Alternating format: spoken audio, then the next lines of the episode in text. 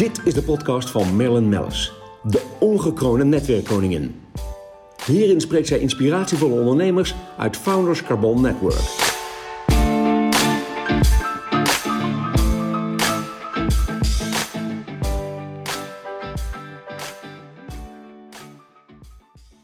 Deze podcast wordt mede mogelijk gemaakt door Euromate.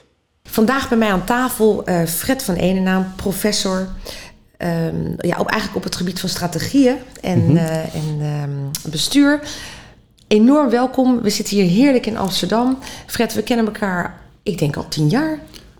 Volgens mij zeker tien jaar. Ja, ja dat klopt wel. Ja. En, we, en, wat hebben we mooie reizen gemaakt. En dat gaan we natuurlijk allemaal uitleggen in deze podcast. Mm -hmm. Buitengewoon interessant uh, uh, wat jij doet en uh, wat je ons ook brengt aan kennis.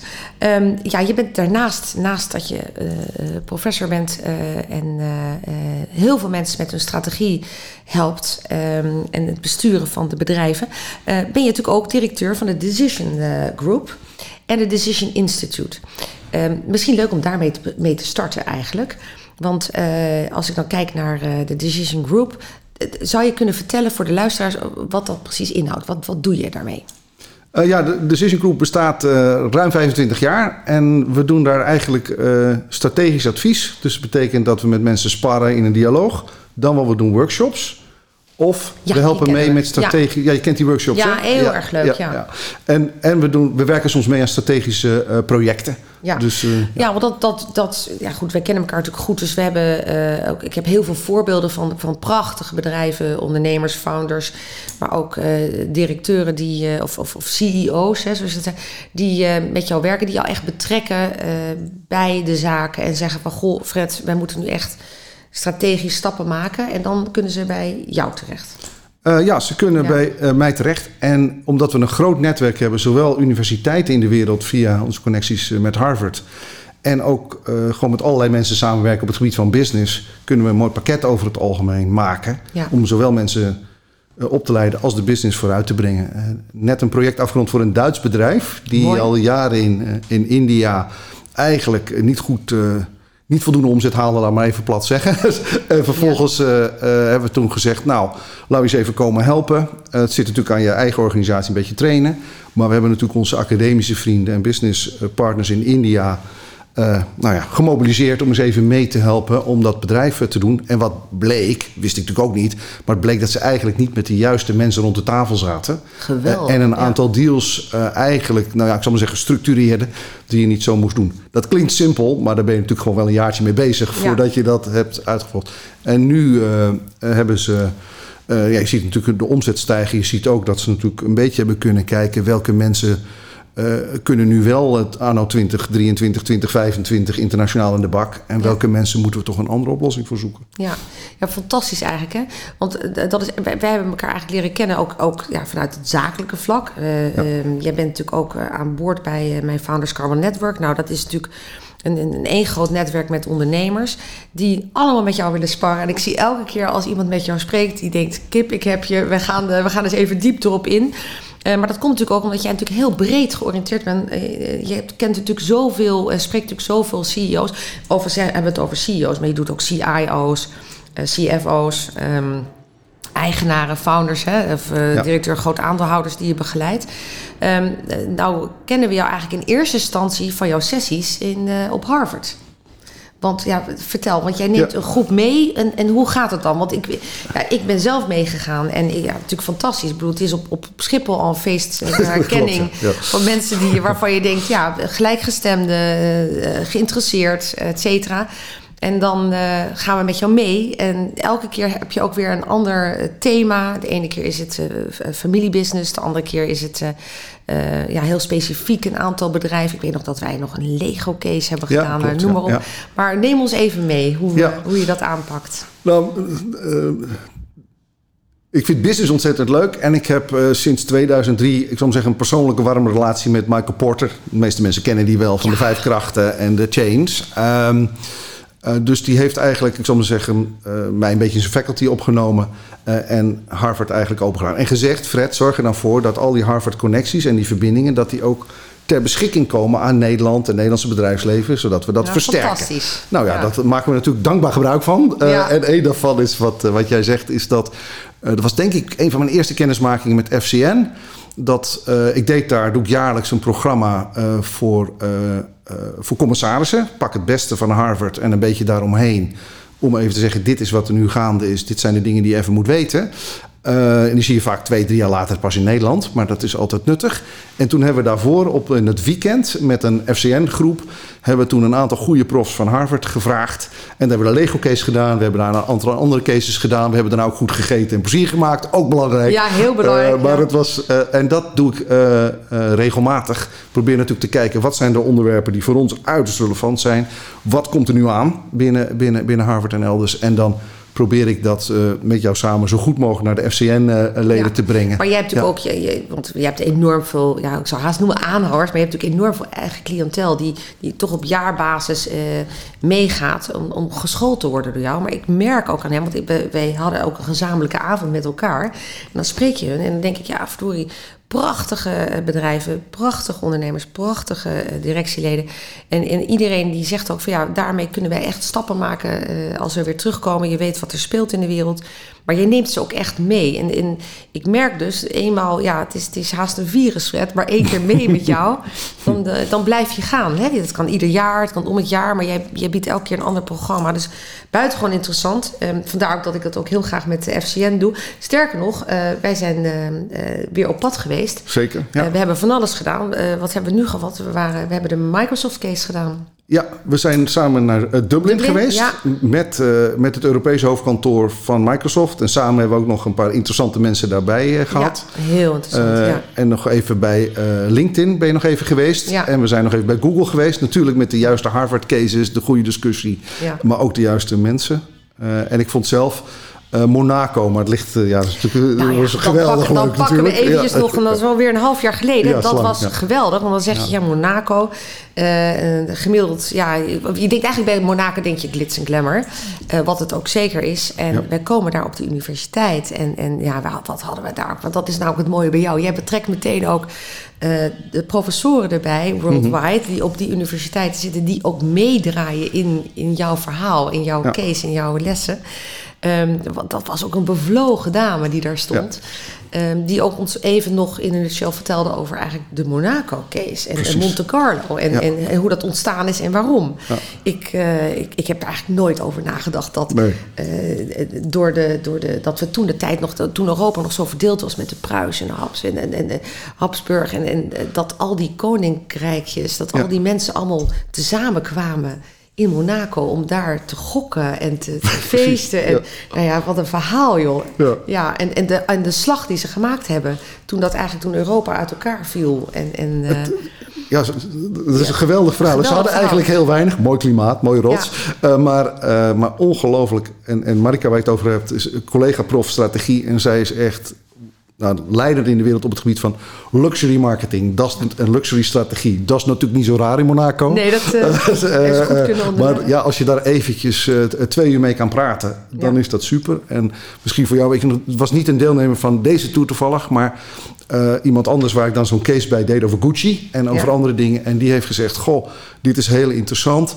Eh, we hebben zelf wat differentiatie, luxury issues, we zijn een beetje eh, zitten daarin. Dus die heb ik nu gekoppeld aan haar met een beetje hulp van ons om te kijken of die strategie en die tactieken een beetje Ja. kunnen worden aangescherpt. En zo probeer ik, jij doet nog beter in netwerken, maar ik probeer Ja, mijn netwerk die netwerken bij elkaar te Nou plakken. ja, dat is eh, nog, nog- nog beter wil ik zeker niet zeggen. Eh, ik, doe, ik kijk heel erg naar het economisch belang rechtstreeks met de Ja. verbindingen. En jij kijkt eerst gewoon wat heeft iemand nodig eh, om, om verder te groeien met zijn bedrijf of zelf. Eh, nog, nog leuk detail vond ik dat eh, uiteindelijk Monte Carlo Monaco bedacht had. Dan pakken we de Amerikaanse markt maar. Dat vond ik een mooi verhaal. Correct, dat, ja, dat, was, ja. dat was heel geestig. Ja, maar. Nee, maar kortom, eigenlijk ook leuk voor de luisteraars om te weten dat eh, als je met jou op reis gaat of in Nederland de sessies doet, dat je eigenlijk altijd tussen een prachtig netwerk aan, aan, aan eh, bijzondere mensen zit. Die, en, eh, en je leert zoveel. Ja, ik ben gewoon fan van je, dat mogen we ook gewoon, gewoon zeggen. Maar het mooie ja. is wel dat, ehm, nou ja, eh, dat, je dit dus doet. Dus, maar goed, we hebben het eigenlijk over de Decision Group. Ja, ja. Eh, maar je hebt ook een Decision Institute. Ja. Wat is dan het verschil?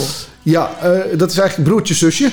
dus de Decision Group werken we, eh, nou wat ik net zei, voor, voor individuele vragen, individuele klanten, vaak op langere eh, termijn. Eh, en de Decision Institute richt zich van oudsher op in-house educatie en training. Van management, van teams, gericht op het ontwikkelen van nieuwe business of het verbeteren van het bestuur. Dat is wat het doet. En steeds meer eh, doen we ook open programma's voor executives.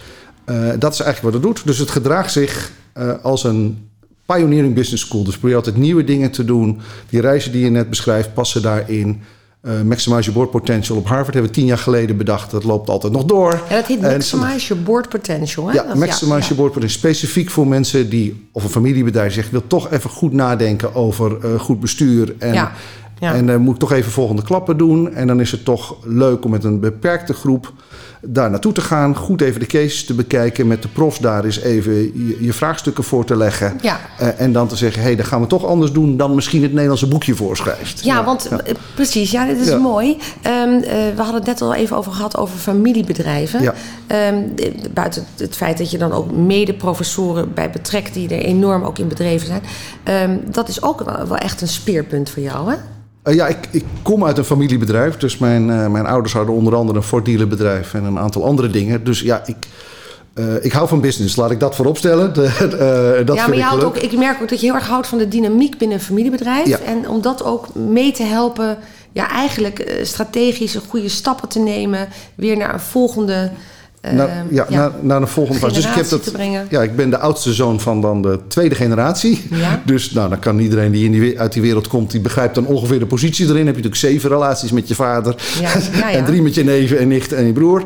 Eh, dus daar hebben we natuurlijk eh, het, het een en ander van geleerd. Ik vond het normaal dat er zoiets was als een commissaris. Ik vond het normaal dat je even moest gaan nadenken over... gaan we wel investeren, gaan we niet investeren... dan gaan we dit jaar even niet op vakantie, jongens. Want eh, Ja. het moet nu gewoon gebeuren. Ja. Eh, en daar, eh, daar heb ik mijn hele leven wel, denk ik, eh, een bepaalde zienswijze... maar ook profijt van gehad. En ik herken dus wel wat van die patronen. Eh, en Ja. soms is dat even eh, advies, soms is het even nadenken over de governance.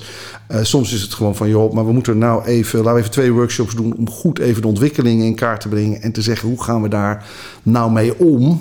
Eh, en dat leidt dan natuurlijk altijd tot vragen van... ja, maar willen we dan een deel van onze, van onze financiering vervreemden... van onze aandelen? Moeten we een venture capitalist doen? Dan moeten we dat juist niet doen? En wat zijn de consequenties daarvan? En als je zelf die keuzes hebt moeten maken... Ja. dan heb je daar iets gevoel bij. Ik heb een paar keer in een advisory rol gezeten. Ik, dat doe ik liever dan in een raad van commissarissen zitten... bij een familiebedrijf persoonlijk. Eh, maar dan, eh, dan, nou, dan weten we allemaal een beetje hoe dat gaat... Maar ze wisten, als Fred zegt, we hebben dit thuis eens een keer meegemaakt, dan werd het meestal stil. Want dan wist iedereen, dit vindt Fred waarschijnlijk belangrijk. Ja, ja, ja, ja, ja, Eh, mooi. Ja. En dat is eh, de, de, de grap daarvan. Ja, ik heb er een hart voor. Ik denk dat het eh, zo, we zeggen het allemaal, het is ontzettend belangrijk. Nederland draait erop, eh, Ja. eh, de economie draait erop. Eh, laten we ook eerlijk zijn, het is op het moment wel even, even tough. Hè? Dus we, we, we hebben niet... eh, eh, we moeten flink in de bak eh, om te zorgen dat het allemaal lukt met de kosten die omhoog gaat en de drive die erin Nou, zit. eh, Dus en er ook ligt de genoeg, veranderingen genoeg werk. met, met ja. de veranderingen met de boor. en Met, met, er komt zoveel Er nu. komt veel op ons af hoor. Er komt Ja. veel op familiebedrijven Ja, af. En, eh, maar ook daarbij, weer mooi, eh, kun je met jou sparren. Want dat is eigenlijk ook jouw rol binnen de, de Trusted Advisors. Groep binnen de FCN. Is voor bedrijven om, te, om jou eens eventjes te kunnen bellen. En eens even met je te zitten, even sparren. En van, goh, moeten we niet weer eens even een sessie er tegenaan gooien? Of, of ja, hoe zie jij dit? Eh dat is natuurlijk ook wel heel erg mooi. Maar dat is dus de Decision Institute. De Precies, Decision ja. Institute probeert ja, ervoor te zorgen dat je volgende generatie mensen, of dat mensen die nieuw business aan kunnen. Ja. En we hebben natuurlijk eh, ja, veel te maken met de bestuurlijke vraagstukken. Eh, dat hebben we natuurlijk geleerd de afgelopen tien jaar. Dat je governance en je besturing moet wel op orde zijn in deze tijd. Naast dat je strategie natuurlijk moet klinken als een klok. En je mensen het kunnen uitvoeren. Nou, Ja. die drie dingen hebben mij eigenlijk altijd gefascineerd. Ja. nou en wij luisteren altijd gefascineerd naar jou. Je hebt ook een heerlijke dosis humor eh, in, in je learnings en lessen. Ehm, nou zit ik ineens te denken, ehm, ik ben natuurlijk eh, ook heel lief wel eens genodigd. En dat was buitengewoon interessant. Eh, ook weer een hele mooie groep mensen bij elkaar. Voor de eh, eh, VBA, VBHC, ik zeg Ja. het even in het Nederlands. Ja. Value-based healthcare ehm, eh, verhaal. Wat is dat precies? Ja, dus, dat, niet alle luisteraars weten natuurlijk wat Nee, het nee, heel helder. Dus ik doe eerst maar de term en dan denkt iedereen, Ja. huh? Ja, ja, dus, het, precies. dus het is een Amerikaanse term, dus value-based healthcare. Wat het eigenlijk... eigenlijk, want Michael Porter... Was Michael Porter ja. heeft dat gedaan. Dus. Kort die achtergrond. Michael Porter stelde zich de vraag, dan even academisch... hoe kan het nou dat we allemaal zo ontevreden zijn met ons gezondheidszorgsysteem? En waarom maken we ons allemaal zoveel zorgen over die stijgende kosten? En waar komt dat nou vandaan? En hoe kan het nou als we er meer geld in stoppen... dat we eigenlijk niet het idee hebben dat we er meer uit krijgen? Nee, Eh, dus, dus daar hebben ze eigenlijk begin van deze eeuw dat heel goed uitgezocht. En nou, lang verhaal. En toen gezegd, oké, dat gaat. we moeten de, de levering van zorg beter doen. We moeten dat echt patiëntgericht doen. Niet in naam, maar echt. En dat heet dan dus, het heet dan patiëntgerichte zorg. Nou, wat is het? Eh, eh, in een nutshell, hè? Ehm, is, stel, eh, ik zeg het altijd maar zo, je kind, je, je, je significant other, je ouders hebben gewoon een probleem. Ze weten nog niet wat, maar, ze, hebben een probleem en ze moeten geholpen worden van, van, van medisch of, of andere aard. Nou, dan heb je nogal wat mensen nodig om even uit te vogelen, wat is het dan? Ja, Stel dat ze er een beetje achter komen, het is ongeveer dit, we kunnen er wat aan gaan doen eh, met elkaar. Dan heb je weer heel veel disciplines nodig om dat te kunnen gaan doen. ja. Eh, wat is nu de historie van de zorg? Is de historie van de zorg is dat we al die specialisten hebben we allemaal in aparte hokjes gestopt. En die, zijn, die worden steeds beter, hè? die studeren en het is geweldig wat er allemaal medisch kan. Maar ze worden steeds specifieker. En Ja. je hebt steeds een aantal van die specialisaties nodig. Dan denk je, nou, dat kan geen probleem zijn als businessmensen. Dat is wel een probleem, want A, hebben we het niet zo georganiseerd. Twee, we betalen die mensen ook nog per verrichting, min of meer indirect. Ja. Dus dat is al raar. En om het nog ingewikkelder te maken, dan hebben we eerst de huisarts. Dan hebben we daarna tweede lijn ziekenhuizen. Dan hebben we daarna de academische ziekenhuizen. En als het echt een probleem is, dan moet je naar Boston of zo. Dus je proeft al als patiënt, eh, en ik denk dat veel van de luisteraars dat ook hebben ervaren... eh, dat je wordt gewoon gepingpongd in dat systeem. Nou, dan kun je zeggen, dat moeten we dan maar een beetje accepteren. Maar de kosten daarvan, en dat zei Porter, zijn zo waansch- waanzinnig duur... ja. Verkeerde diagnostiek, te late diagnostiek, verkeerde behandeling, te late behandeling. Van de een naar de ander. Al die wrijvingsverliezen zijn veel te groot. En toen zei hij, we moeten, hij zei, en dat moeten we gaan organiseren. Dat is nogal een ingewikkeld conceptje, Ja. maar het werkt. Maar zegt je moet je maar op één ding richten. Wat zijn de uitkomsten die wij per patiënt willen bereiken? Ja. En dat is niet wat we doen. We hebben het georganiseerd vanuit de disciplines. Aha, En, ja. eh, en, en als je me dan toch al over dat onderwerp hebt, zal, is we doen dus iets, ik zeg het maar bluntly, verkeerd. We proberen de kosten te beheersen door stukjes uit die zorg te snijden of de toegang te verminderen. Dat is wat we aan het doen zijn. Maar dat is eigenlijk averechts. En dat exact, dat werkt averechts. Nou, als ondernemer weet je, je kan er wel een stukje uitsnijden. Nou, eerst merk je nog niks. Je kan er nog een keer een stukje uitsnijden, dan wordt het al pijnlijk. Ja. Als je dat drie keer hebt gedaan, valt de boel om. En sterker nog, je denkt dat je even de kosten bespaart door te zeggen... huisarts, je mag maar acht minuten met die patiënt praten, hè? Acht minuten. Ja. En dan denk je, nou, dat is fijn, want dan kan hij meer patiënten zien. Ja, maar mij moet hij misschien twee minuten zien en jou misschien twintig minuten. Nee, acht minuten. Dus je proeft al dat doordat je... Ja, het is pennywise pound foolish. Je bent zuinig daarin. En vervolgens creëer je een gierende kost erachteraan. Want dan moet het allemaal gerepareerd worden. Dat is wat Porter eh, liet zien. Nou, dan kun je zeggen, dat is de theorie. En ik ben van het implementeren. Dus Ja. mijn... eh, eh, nou, misschien zullen we zeggen een beetje roeping. Maar eh, om artsen en hun teams mee te helpen... om echt patiëntgericht te kunnen werken... het beter te organiseren en hopelijk ook netjes betaald te worden voor je resultaat. Niet dat je iets doet, Nee. maar voor je resultaat. Nou, en dat is. eerst was dat van, kan dat wel? Nu hebben we eh, als Decision Group zijn we zelf bij iets meer dan 130 van die implementaties betrokken geweest. En we zien dat die uitkomsten zijn beter, de kosten per patiënt zijn lager. En Ja. ik heb de indruk dat de teams er lol in hebben. Ja, en ja, dat is in deze tijden ook niet onbelangrijk als we toch wat meer mensen nodig hebben. Ja, nou het mooie is dat eh, toevallig was, eh, eh, hoorde ik op, op BNR nog een herhaling van een gesprek met Kobus Dijkers van Obesitas Klinieken. Ja, die natuurlijk ja. ook met Michael Ja, Porter werken ook graag samen. Die zegt ook, het gaat om het resultaat. Het gaat om de patiënt, ja precies.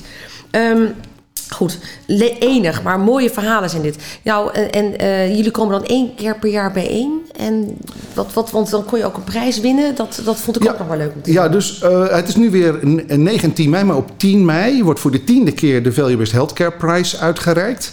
Die wordt altijd door onze honorary chair, dat is dan Porter, wordt die uitgereikt. Ja? Eh, dat is natuurlijk een eer. Ja. En degenen die dat winnen zijn natuurlijk eh, ja, daar terecht blij mee. Ja. Het inspireert anderen. Maar ik wou net zeggen, blijkt- lijkt me een enorme inspiratie. Om, om, om, om- ik heb daar één keer tussen mogen zitten. Nou, ik- die mensen die ik heb gesproken ook, denk ja, het is zo geweldig. Het is, mensen zeggen altijd, ja, het is een roeping om, om, om in de, de zorg in te gaan. Maar dat is het ook.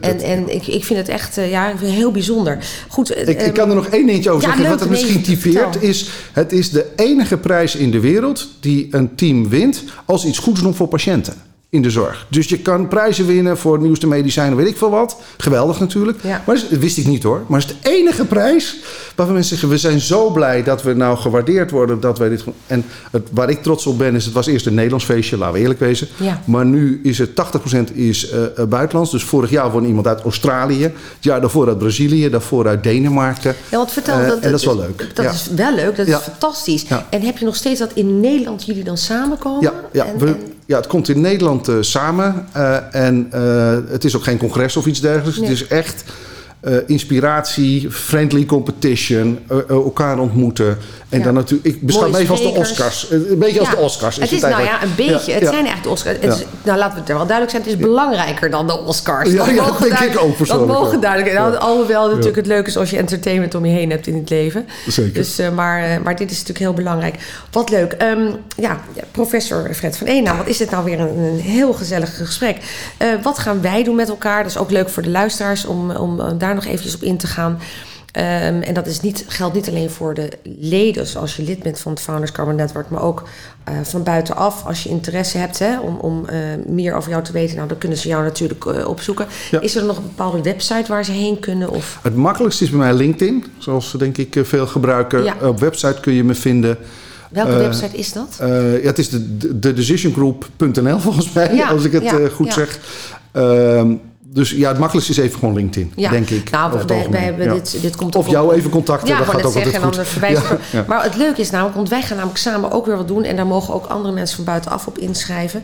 Wij vinden het namelijk ook boeiend hè, om, om andere ondernemers en andere eh, eh, ja, eh, CEO's, CIO's... Die, Ja. Jij zei ook trouwens, die komen ook steeds meer in. Er komen op, steeds meer. Die technology komt echt die boardroom in. En, en ja, de helft van je strategie is tech. Dat Ja, kunnen we op ons Dus kop staan. Maar dat is gewoon om die mensen te... Ja, ja. eh, er zijn ook leden, weet ik, die, die graag weer iemand meenemen. Dus dat is allemaal welkom. Eh, wat gaan wij doen? We gaan in Nederland, hè, gaan wij eh, nog iets, iets ondernemen. We hebben weer een aantal steden eigenlijk bepaald waar we graag heen willen. Een daarvan is volgens mij ook Brussel uit het hoofd. Ja. Ehm, we, de- ja, we denken aan Brussel. En je Ja. bent nog even aan het kijken naar... eh, Nou, misschien Tel Aviv nog. Ja, Eh. Daar gaat sowieso ook een handelsmissiereis heen. Maar kortom, er zit weer heel veel in de pijplijn. Dus eh, en ieder die geïnteresseerd is om eens even wat meer te weten... die kan inderdaad met jou contact opnemen. Ik zal de gegevens wel even erbij zetten nog in het bericht. oh, super. Ja. Ehm, ik dank jou heel hartelijk voor een, een heel plezierig gesprek. Het is wel met jou zo dat ik nog uren had kunnen doorkletsen. Ehm, heb jij nog een, want daar eindig ik altijd mee. Ik hoop je niet dat ik je ermee overval. Maar heb je nog een, een tip voor ondernemers? Een, een tip. Ik zeg altijd, ja, ik eindig altijd eigenlijk met, met de vraag van... Heb je nog een, een, eh, iets wat je mee zou willen geven aan, aan een ondernemer? eh, of iemand die, die toch de tent leidt, zeg maar. Eh, ja, de tip is, het is lonely at the top.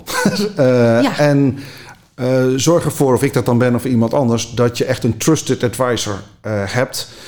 waarvan je weet, het hoeft niet je vriend te zijn... maar die je gewoon wel even vertelt hoe het zit. En, en, eh, en dat zou ik eh, iedereen toewensen om te doen. En dat is eigenlijk de belangrijkste tip die ik, eh, die ik heb. Dat je echt even weet van niet alleen je lawyer of je tax advisor, of die heb je ook allemaal nodig. maar dat je zegt, er is iemand waar ik even een hapje of iets mee eet en die even meekijkt en zegt, joh, klopt dat allemaal wel? En dat is denk ik het belangrijkste om om te gaan met al die issues die we krijgen. Alle kansen, moeten we ze wel of niet nemen. En alle issues die op ons bord kijken, dat er gewoon even iemand trusted met, je, met je meekijkt. Nou, ik vind het een, een mooi besluit van een eh, hele gezellige podcast.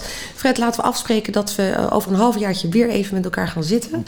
En ik denk dat het leuk is om dan inhoudelijk nog wat meer in te gaan op, op wat onderwerpen. Zoals je dat ook behandelt in, eh, in eh, eigenlijk de, de, de lessen die we van jou krijgen, waar ook ter wereld. Ehm, het, was, eh, het is niet alleen een feestje om met jou samen te werken, te reizen, maar ook het was een feestje weer om jou hier eh, aan tafel te hebben als, als gast.